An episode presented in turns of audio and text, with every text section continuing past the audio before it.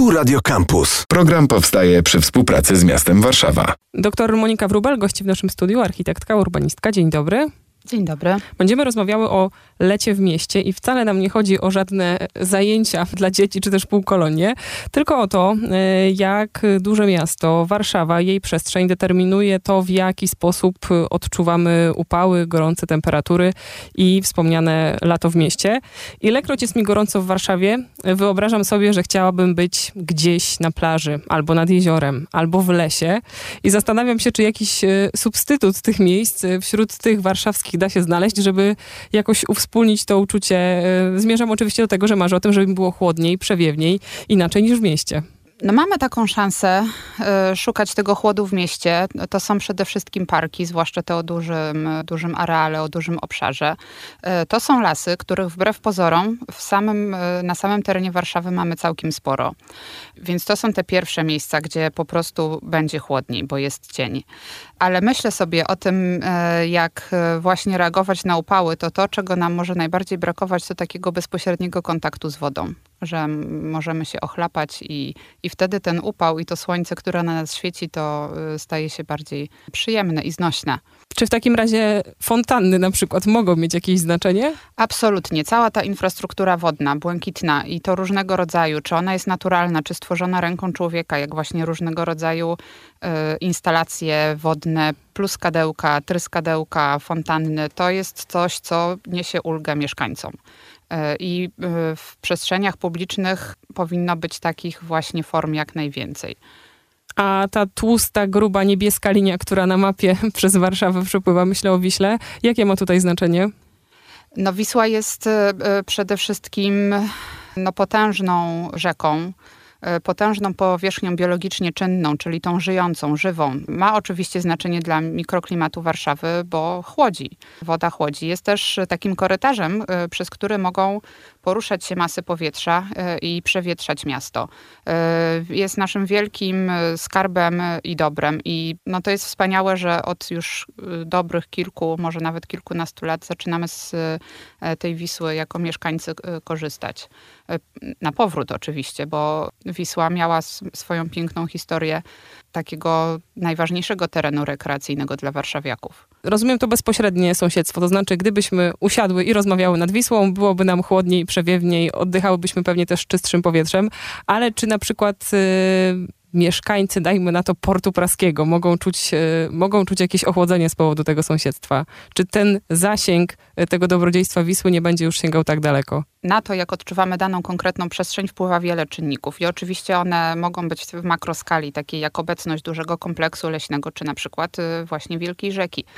E, ale y, no, równie istotne jest to, jaki ten mikroklimat panuje wewnątrz danego osiedla i na to wpływamy bezpośrednio y, my, te osiedla projektując. Y, no i tutaj wprost jest mowa o tym, y, czy jest zieleń, czy jej nie ma, czy, czy, czy rośnie, czy, czy są drzewa, czy jest cień, jak poustawiane są budynki względem stron świata, czy one dają szansę zacieniać takie przestrzenie, w których chcielibyśmy przebywać. Więc jeśli będziemy mieli osiedle, które nie będzie miało ani grama zieleni, to niezależnie od tego, czy będzie ono stało przy lesie, czy nad brzegiem Wisły, to w upalne dni będzie tam po prostu gorąco. Łapie się takiego, y, tej informacji o zwartości zabudowy i laicko wnioskuję, że w takim razie nie ma szansy na to, żeby było nam chłodniej na przykład w Śródmieściu. Tam zawsze gęsto i dużo. No więc właśnie, i to jest cała sztuka. Jak y, pogodzić te dwa y, niezwykle ważne postulaty, czyli zachowanie zwartości zabudowy po to, by miasto się nie rozlewało, by nie niszczyło tych cennych terenów, które nas otaczają i które też nam przynoszą no, niezwykle y, ważne korzyści, bo te wszystkie masy czystego powietrza, które y, w czasie wiecznej powody, na, pogody napływają nad Warszawę, to one nie biorą się znikąd. One się biorą właśnie z tych terenów otwartych, które miasto otaczają. Y, więc pierwsze zadanie no to ograniczać tą taką niekontrolowaną zabudowę właśnie terenów otwartych, terenów cennych przyrodniczo, czyli dążyć do miasta zwartego, tego intensywnego, które zamyka się w pewnych ramach, pewnych granicach, poza które już się nie wylewa. No ale jeśli zabudowujemy intensywniej, to teraz wszelkimi sposobami trzeba tak naprawdę szukać tej zieleni, możliwości umieszczania zieleni w, również w obszarach śródmiejskich Czyli zazieleniamy ulice, zazieleniamy place, szukamy tej powierzchni biologicznie czynnej, odpłutowujemy, rozbetonowujemy. To jakby bardzo się cieszę, że do jakby takiej szerokiej świadomości y, dochodzi no, ta wiedza o konieczności y, szukania powierzchni biologicznie czynnej w miastach, czyli tej żywej gleby, żywej roślinności, która jest bardzo ważna, obniża temperaturę, y, sprawia, że więcej gatunków roślin i zwierząt jest wokół nas i to wszystko sprzyja równowadze biologicznej. Jak szukać mm, tej zieleni w mieście? Zielone dachy. Bardzo trudne, ale być może w przyszłości pewnie bardziej odległej nie będziemy mieli jakby odwrotu od tego pnącza na ścianach. E, to kolejna, tym razem dosyć łatwa metoda. Staje przed oczami buf, bo tam i jedno i drugie, zielony Absolutnie. plus y, To jest niezwykle fantastyczny i wizjonerski projekt. Pamiętajmy, że on powstał w latach 90., w sensie ten sam pomysł został ukuty w tych czasach, więc e, no, to jest nasze wspaniałe dziedzictwo i powinniśmy z niego e, bardzo mocno czerpać. Ale co jeszcze? Możemy też własnymi siłami o tą zieleń blisko, blisko nas zadbać. Zazieleniajmy nasze balkony, podwórka, y, tam z sąsiadami może razem podziałać i e, przyjrzeć się, czy jakiś klepisko, y, trawnik przed naszym blokiem, kamienicą nie wymagałby naszego wsparcia i będzie nam i przyjemniej, i w takiej globalnej perspektywie y, chłodniej. Jeszcze do tych powietrznych aspektów chciałabym wrócić, bo ja to w swojej też laickiej głowie nazywam korytarzami powietrznymi, ale to jest chyba tak. termin, który bardziej interesuje tych, którzy chcieliby polecieć nad Warszawą, a dotarłam do takiego pojęcia jak kliny napowietrzające.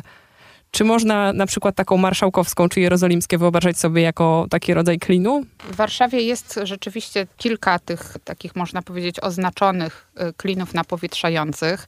Y, ich y, historia jest związana jest z planowaniem Warszawy, rozwoju Warszawy, zarówno sprzed okresu II wojny światowej, jak i później. I one rzeczywiście miały za zadanie mm, tworzyć te korytarze, które pozwalają na napływ y, y, powietrza do y, ścisłego śródmieścia. Teraz mm, można by powiedzieć, że profesjonaliści troszeczkę odchodzą od używania tego stricte terminu. Mówi się bardziej właśnie o obszarach odnowy powietrza i oczywiście one częściowo pokrywają się z tymi klinami, przy czym większe znaczenie niż ulica ma tu, mają tutaj na przykład tereny kolejowe, które mm, też w tą Warszawę się wrzynają, prawda, i od wschodu i od zachodu. To są tereny, które z zasady będą wyłączane z zabudowy, więc dzięki temu jakby będą trwałe w czasie no bo cały czas tej infrastruktury kolejowej potrzebujemy. I to i, i, jest kilka właśnie takich przestrzeni w Warszawie, które Mm, y, rzeczywiście są otwarte, pozbawione są też zadrzewień i to właśnie tamtędy y, powietrze mm, podczas wiecznej pogody się do nas dostaje.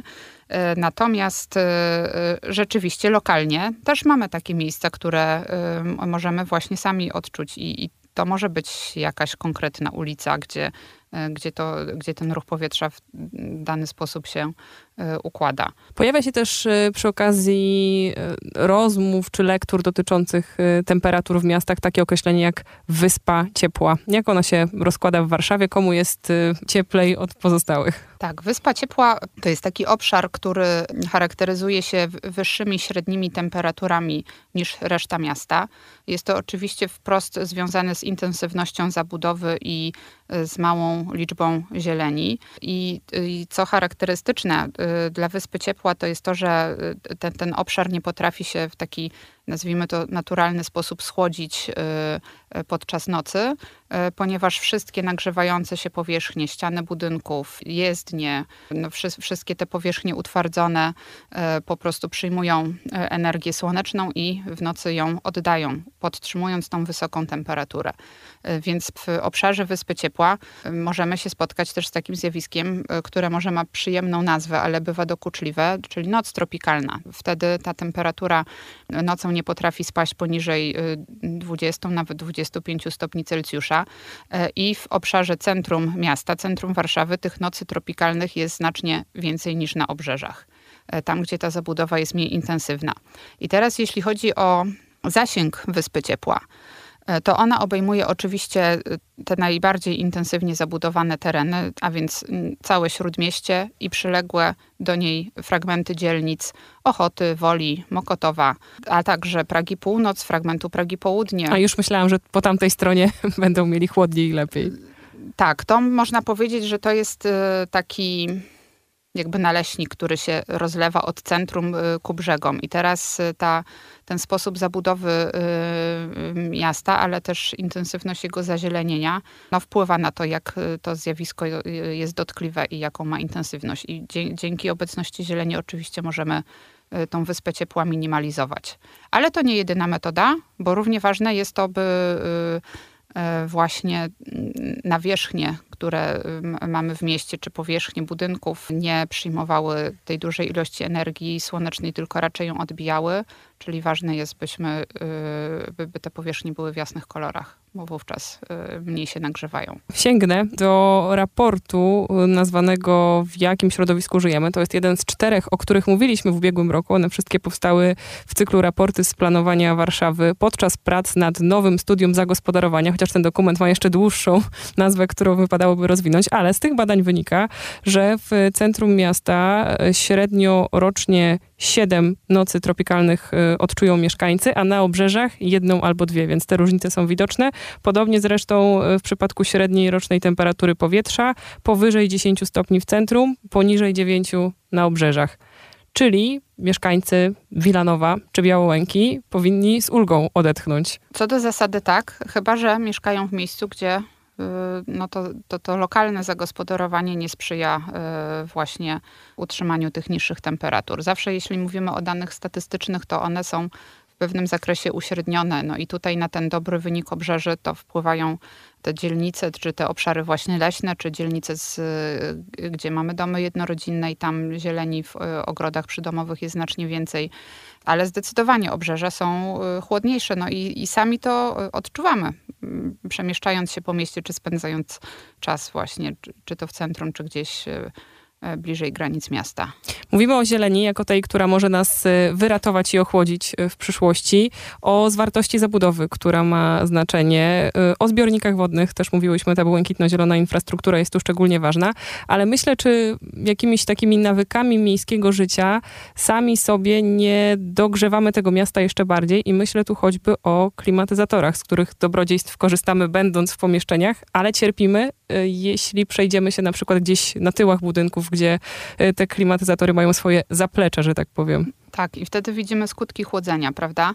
E, I to też jest wielkie wyzwanie, bo jesteśmy e, przyzwyczajeni do pewnego rodzaju komfortu jako mieszkańcy tego klimatu umiarkowanego. I przede wszystkim no sięga, myślę, że wielu z nas sięgając pamięcią, nie wiem, czy do czasów dzieciństwa, czy, czy młodości, tutaj w zależności od tego, kto nas słucha, to ma, mo, może mieć takie wrażenie, że kiedyś upały nie były dotkliwe. No mówi się czasami polskie lato, tam 20 parę stopni, a nie powyżej 30. Tak, ale nawet kiedy myślimy o tych upałach z dzieciństwa, to mi osobiście one się kojarzyły właśnie z wizytą, z wizytą na basenie miejskim, prawda, czy z jakąś tam kąpielą w morzu i to były raczej pozytywne skojarzenia, a nie te wszelkie niedogodności związane z właśnie funkcjonowaniem takim codziennym y, w mieście. No i więc to jest jedna rzecz, że po prostu e, jakby teraz na własnej skórze i to w bardzo przyspieszonym tempie doświadczamy tego, jak, e, jak się zmieniają temperatury w Polsce i że te okresy upalne po prostu trwają coraz dłużej i przez to stają się dla nas dotkliwe, bo jeden, dwa, trzy, cztery dni to, to jesteśmy w stanie się z tego cieszyć, ale jeśli ten okres upału czy, czy suszy w mieście trwa dłużej, no to zaczyna to być rzeczywiście problemem. I teraz Kolejne wielkie wyzwanie, w ogóle związane z przystosowaniem całego sektoru budownictwa i, i, całej tej struktury, którą już mamy, wszystkich budynków w mieście, to jak chłodzić się nie, yy, nie, klimatyzując. nie klimatyzując. I myślę, że gdybyśmy się rozejrzeli po yy, zwłaszcza tych budynkach, które mają wprost yy, taką południową ekspozycję, albo gdzie są mieszkania kawalerki, gdzie po prostu mieszkańcy nie mają możliwości przewietrzenia yy, na przestrzał mieszkania, to zobaczymy, jakie to są metody. I to są też metody znane z krajów południowych, zasłanianie okien markizami chociażby. Zieleń, y, właśnie chroniąca te budynki y, o południowej ekspozycji przed działaniem promieniowania słonecznego przez cały rok. No, musimy sięgać do sprawdzonych metod, ale to też jest rzeczywiście wielkie wyzwanie, jak, y, jak się chłodzić. Być może odpowiedzią będą odnawialne źródła energii, ale takie nie w systemie powiedzmy globalnym, czyli że mam na myśli tutaj po prostu dostarczanie energii do systemu takiego ogólnego, tylko solary na dachach, które pozwalają nam właśnie latem zasilać to chłodzenie ale to jest wielkie, wielkie wyzwanie i też e, niektórzy zachęcają badacze do tego, żebyśmy po, powoli się przestawiali e, jakby te, te, te, widełki naszego komfortu. I tak samo zimą, jeśli jest nam chłodniej w jakimś pomieszczeniu, to możemy założyć sweter, a nie podkręcać kaloryfer. I to nie tylko po to, żeby oszczędzać jakby pieniądze, ale też E, po to, żeby w takim ogólnym bilansie no, zmieniać te nasze nawyki, bo środowisko i to nasze otoczenie się zmienia. Ja mam takie poczucie przegranej w tym wyścigu. Może mnie pani jakoś pocieszy. Myślę sobie, że e, no, w środku lipca potrzebujemy nagle za oknem wielkiego drzewa, które pewnie potrzebuje z 40 lat, żeby stać się tak wielkie. I nawet jeśli dzisiaj je posadzimy, to kolejne gorące lata będziemy czekać, e, żeby urosło i jeszcze podlewać, albo też nie, w zależności od tego, no jak właśnie, z wodą się ułożymy. To, to jest musimy ten wysiłek podjąć, bo jeśli tego nie zrobimy, to będzie gorzej. A w tym czasie przejściowym, kiedy, kiedy nam te trudności doskwierają, to po prostu szukajmy w Warszawie tych przestrzeni, tych mikroklimatów, które nam mogą dać ulgę. I bądźmy optymistami, ten upał, który teraz trwa i dzisiaj, to za kilka dni się skończy i, i odetchniemy, ale absolutnie wielkie drzewa, stare drzewa są naszym najcenniejszym zasobem. Nie można jakby zaprzestawać do sadzania nowej zieleni być może pewnego rodzaju taką, taki optymizm może tchnąć świadomość, że na przykład Praski Brzeg, który jest teraz niezwykle zielony i dziki, po wojnie był zupełnie goły, więc mm, te, te działania mają sens i one przyniosą, yy, przyniosą skutek. Zastanawiam się, czy jakieś e, jeszcze narzędzia mogą nam przyjść e, z pomocą. Może zmienimy, nie wiem, swój sposób poruszania się po mieście. Przypomina mi się historia z Barcelony, zdaje się, gdzie już kilka lat temu powstała aplikacja, która wyznaczała trasy poruszania się po mieście tak, żeby znajdować się w cieniu. Więc może tu jeszcze jakieś nadzieje takiego trochę ludzkiego sprytu, może trochę wspartego technologią. Ja myślę, że każdy, y, y, absolutnie technologia może pomóc, y, zgadzam się.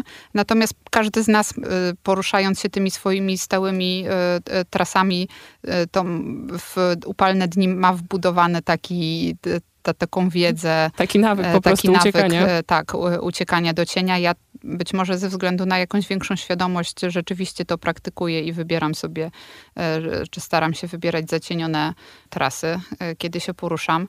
Myślę, że ten taki komfort w upalne dni to będzie jeden rodzaj wyzwania, ale przecież za tymi falami gorąca idą też susze. A nie mówiłyśmy jeszcze o, o wodzie w mieście, o tym, czy jak ją magazynować. No więc właśnie, y, woda oprócz tego, że może nam dać ochłodę, ale wtedy jest zużywana, prawda? Czy, czy, chociaż oczywiście y, cała ta infrastruktura może działać w obiegu zamkniętym po to, żeby tej wody jak najmniej marnować, ale y, absolutnie konieczne jest po pierwsze e, opóźnianie spływu wody deszczowej do kanalizacji, czyli to, że ta woda spływa do kanalizacji e, w Warszawie ni niestety w dużej części ogólnospławnej, czyli mieszającej te ścieki deszczowe i sanitarne, to jest uwarunkowane historycznie, po prostu tak była budowana kanalizacja kiedyś, to tracimy to nasze dobro i y, generalnie nowe inwestycje już y, zaczynają gromadzić wodę. E, jeśli popatrzymy na wytyczne w, czy w planach miejscowych właśnie dla, dla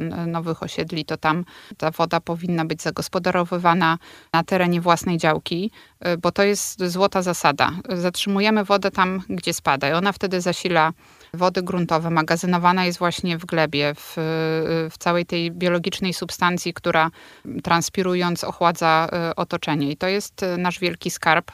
Już widać e, wokół, zwłaszcza obiektów publicznych, że pojawiają się zbiorniki na deszczówkę, które montowane są bezpośrednio przy rurach deszczowych i z nich można korzystać z wody gospodarczo, czyli właśnie po to, żeby w okresie suszy podlać to nowo posadzone drzewo, żeby ono miało szansę dorosnąć do, do tej wielkości, która nam przyniesie komfort.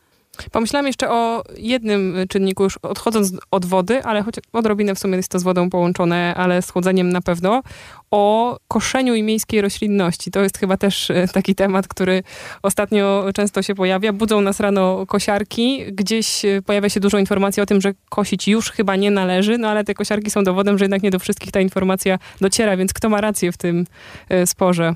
Rację mają ci, którzy y, zalecają małą liczbę koszeń w ciągu roku.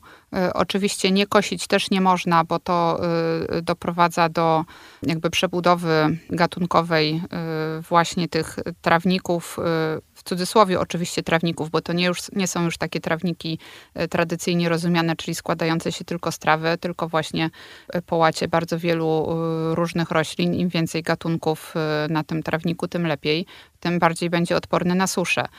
Więc Zarząd Zieleni Warszawski wprowadził standardy na, na terenach przez siebie zarządzanych, które tą liczbę koszeń y, ograniczają. I oczywiście trzeba się y, uczyć cały czas, jak, jak tym procesem zarządzać. I no, niezwykle ważne jest, by ta informacja, ta wiedza o tym, jak y, dobrze y, kosić, czyli jak rzadko, docierała jak, do jak największej liczby zarządców. Y, bo myślę sobie, że przecież olbrzymimi terenami y, zieleni w Warszawie to są tereny osiedlowe, zwłaszcza na osiedlach y, tych modernistycznych, czyli, czyli tereny wokół bloków. I, I to nie są tereny zarządzane przez miasto. Być może wśród zarządców danych wspólnot mieszkaniowych czy spółdzielni tej wiedzy jeszcze nie ma. E, więc absolutnie warto się nią dzielić i myślę, że nawet jako mieszkańcy możemy od czasu do czasu wybrać się na zebranie spółdzielni, mając świadomość, że będzie ono niezwykle nudne, ale wnieść tam ten głos na przykład dotyczący E, ograniczenia koszenia. Można odtworzyć e, fragment audycji Stacja Warszawa z udziałem dr Moniki Wrubel. Można też e, przedstawić kilka dokumentów, bo myślę, że raport, o którym wspominałam, czyli ten nazwany W jakim środowisku żyjemy, ale też chyba jaki krajobraz nas otacza, z czterech raportów, które powstawały w ubiegłym roku, może bardzo dużo o krajobrazie i tej zielono-błękitnej infrastrukturze Warszawy powiedzieć. I zastanawiam się, czy też dobrym dokumentem dla wszystkich zaintrygowanych tym, jak miasto będzie reagowało na zmiany klimatu, nie nie jest e, strategia adaptacji do zmian klimatu dla Warszawy. Tam chyba też mnóstwo takich konkretnych wskazówek. Jak najbardziej. To jest niezwykle ważny dokument. Miasta są zobowiązane, by takie strategie tworzyć i Warszawa również ją posiada. I tam mamy po pierwsze porcję analiz, y, które nam y, czarno na białym pokazują, y, jaki mamy stan środowiska i, i jakie ryzyka klimatyczne w przyszłej Warszawie mogą nam towarzyszyć i, i z jakimi borykamy się już teraz. No ale co najważniejsze, to cała, cały zestaw recept, które jednak troszeczkę tego optymizmu mogą nieść, bo jesteśmy e, naprawdę w stanie poprawić e, tą jakość tego środowiska wokół nas, aby poprawić e, komfort naszego życia. Więc polecam wnikliwym również tą lekturę, trochę trudniejszy dokument, ale to nad czym teraz miasto również pracuje, to, to jak właśnie rozpowszechniać tą wiedzę dotyczącą wielu procesów przygotowujących Warszawę na, na przyszłość. Dobrze byłoby jeszcze rozpowszechniać tą właśnie porcją optymizmu, że jednak Możemy. E, możemy, natomiast musimy się postarać. Do, do tego wszystkich zachęcam słuchaczy. E, e, zobaczmy też, co wokół siebie możemy zrobić, co komu powiedzieć, gdzie pokazać, że, że może można inaczej i, i, i podlejmy drzewo świeżo zasadzone. Jeśli widzimy, że nie domaga, to też pomoże. A jak ktoś będzie krzyczał, że wody zabraknie? Już chyba się pojawiają takie gminy w różnych regionach Polski, gdzie podawanie jest na przykład zabronione, czy, czy też woda ograniczana. Tak, ale to, to dlatego musimy gromadzić deszczówkę e, właśnie na te e, okresy niedoboru, po to, żeby mieć szansę na utrzymanie tej cennej dla nas zieleni. Czyli wracamy do tego, co już wracamy. się pojawiało jest, w naszej tak. rozmowie. Dużo zielonego, łapiemy wodę, rozbetonowujemy. Wydaje się, że to są proste recepty y, i chyba największym wyzwaniem teraz jest to, żeby wdrożyć te recepty szybko i i myślę, że mm, mamy szansę y, krok po kroku to obserwować również w przestrzeni na, naszego miasta. Tym zdaniem kończymy. Doktor Monika Wrubel gościła w audycji. Bardzo dziękujemy. Dziękuję. Program powstaje przy współpracy z miastem Warszawa. Radio Campus.